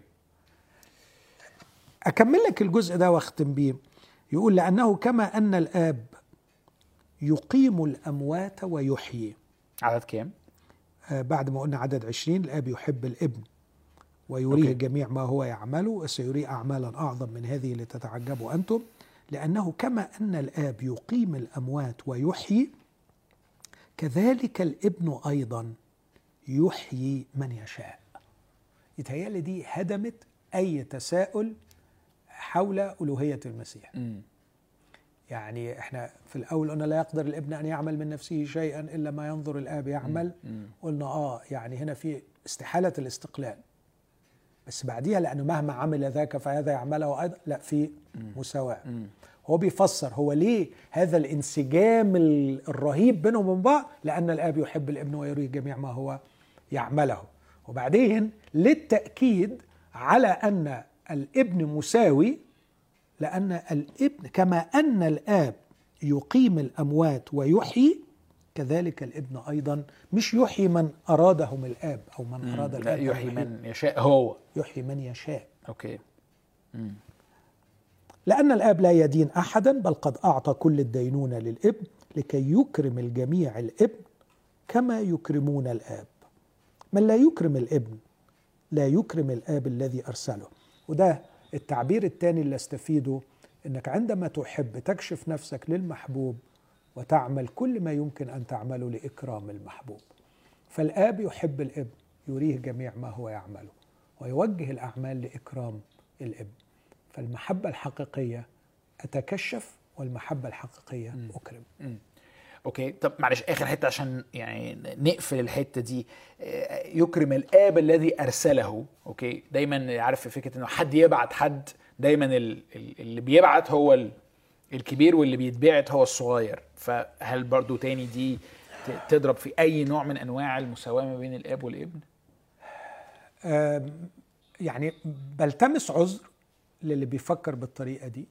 وده خلى بعض اللاهوتيين يفكروا في فكرة الهيراركي جوه الثالوث لكن أنا لا أستريح ولا أميل وبقول إنه الفكرة دي ناتجة من مفهومنا البشري آه، اللي اللي بيغيب عنه الحب. في حالة الحب الكامل والتام اللي بيوصفها هنا حيث الانسجام المطلق الراسل والمرسل واحد فالله هو الله المرسل. الله الآب هو الله المرسل. والابن هو الله المرسل.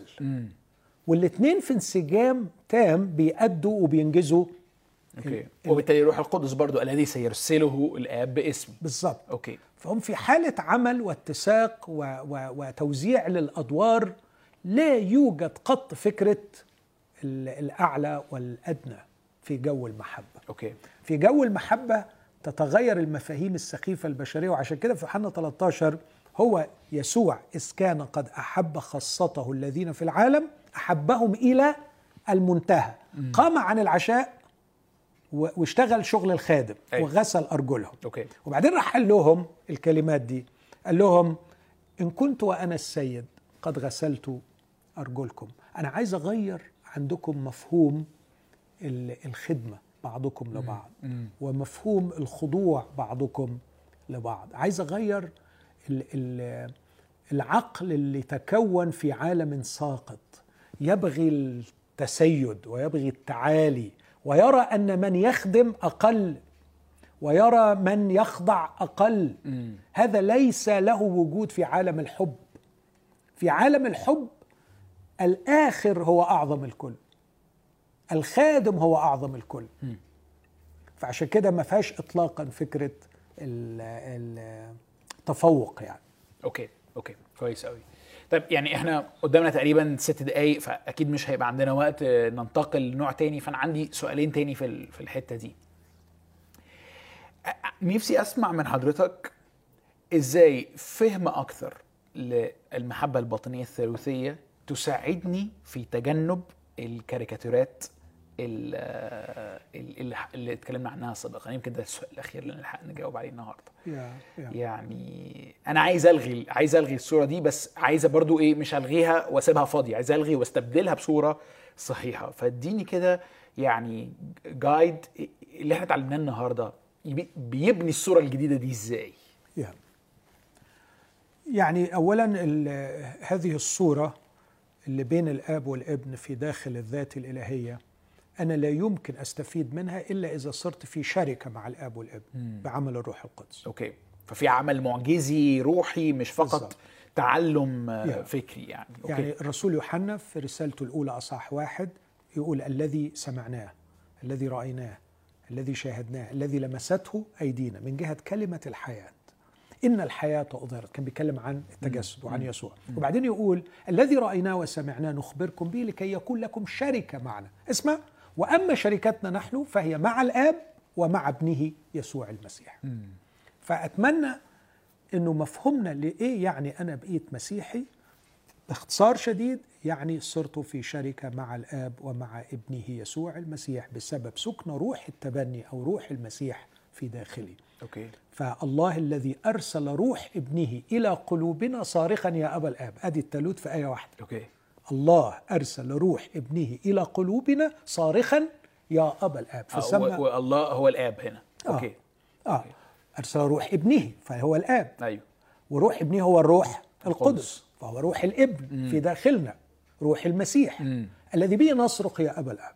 فإجابتي على السؤال بتاع بتاعك تحتم أن يكون في وعي أني مسيحي بمعنى أن لي شركه مع الآب ومع ابنه يسوع المسيح بسبب سكن الروح القدس فيه. وده ياخدني بعيد خالص عن مجرد أن أنا نلت غفران الخطايا مجرد أن أنا هروح السماء مجرد أن أنا يعني بقيت عضو في كنيسة. القضية أعمق وأعظم أوكي. جدا. أنا بقول له يا بابا يا آبا الآب وأنا أعرف من هو يسوع المسيح ويسكن في الروح القدس. فده جعلني في شركة مع الآب ومع ابنه يسوع المسيح. هذه الشركة بشكل تلقائي كلما تعمقت فيها تتدفق في حياة الله الأبدي. Okay. حياة المحبة. هذا هذا النوع من الحياة. نوع إن الآب يحب الابن ويريه جميع ما هو يعمله. نوع انه الآب يريد أن الجميع يكرمون الابن كما يكرمون الآب. هذا النوع من الحياة اللي هي الحياة التي أظهرت. Okay. لما يقول إن الحياة أظهرت الحياة الأبدية التي كانت عند الآب أظهرت لنا. عايز يقول إنه هذا الجو اللي كان مخفي في داخل الثالوث جاء لنا في لحم ودم. لمسناها. Okay. شوف حالة الحب العظيمة دي حالة الجمال الفائق ده حالة العطاء الرهيب ده تجسد لنا. من داخل الله ما جالناش فكرة. جالنا شخص يحمل الحياة الإلهية. Okay. وعشان كده بقول الحياة الأبدية ليست حياة إلى الأبد. لكنها نوعية حياة الله الأبدي. آه فهي مش مجرد طول الوقت. لا okay. ده نوع الحياة التي يحيا بها الآب والابن في الداخل. Okay okay. وعشان كده يسوع في يوحنا 17 يقول له مجد ابنك ليمجدك ابنك أيضا إذ أعطيته سلطان على كل جسد ليعطي حياة أبدية لكل من أعطيته. وهذه هي الحياة الأبدية أن يعرفوك أنت الإله الحقيقي وحدك ويسوع آه. المسيح الذي quality quality of life of life. نوع لما اخدها بقى يا يوسف نخلص من الكاريكاتير السخيف اللي أنا رسمته سواء على الناحية دي أو الناحية دي إنه ببدأ أدرك أن محبة الله ليا أعمق جدا من اللي أنا كنت بتصوره. أعمق من إن أنا أبسطه أو هو يبسطني. امم ده هناك رغبة عميقة عنده أن يتكشف لي وأنا أحتاج أن أخلع عن علي وأتقدس بالقدر الكافي مهيئا نفسي لاستقبال الكشف الإلهي. يعلنه لكم الله يعلنه لكم الله يعلنه لكم الله. الآب يحب الابن ويريه جميع ما هو يعمله. الآب يقول لنا إن تعبيري عن محبتي لكم. أريدكم أقوياء أصحاء ناضجين. ذوي عقول قادرة أن تنفتح لاكتشاف ما أعلن لها.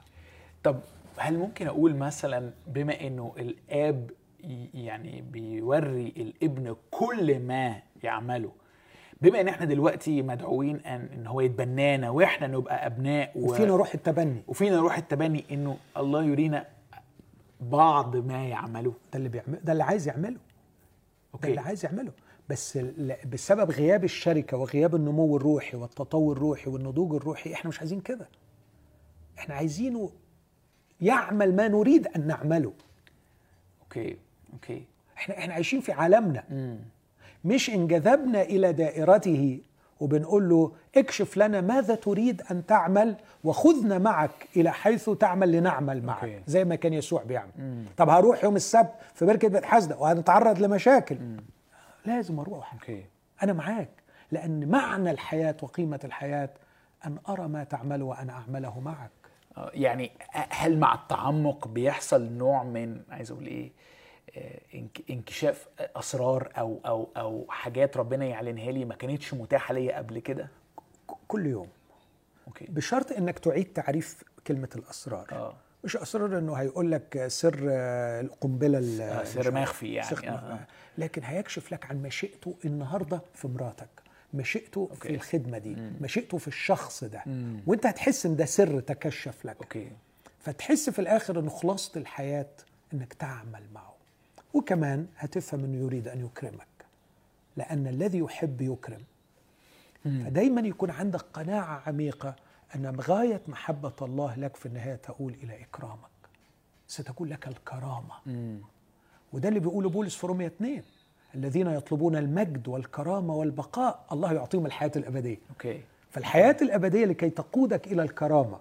فما هي غاية محبة الله لك؟ إكرامك. أوكي. يعني مليان مليان مليان بكلام محتاج أفكر فيه ويعني و... و... يعني أعرفه وأدرسه أكتر. عايز أشجعكم أنتوا تكملوا معانا الرحلة دي في التأمل في أنواع محبة الله و... أو يعني اوجهها وإزاي نقدر نبقى نوعية الأشخاص اللي الله عايز يتكشف ليهم ونتحد معاه أكتر وأكتر. نشوفك الأسبوع الجاي دكتور ماهر.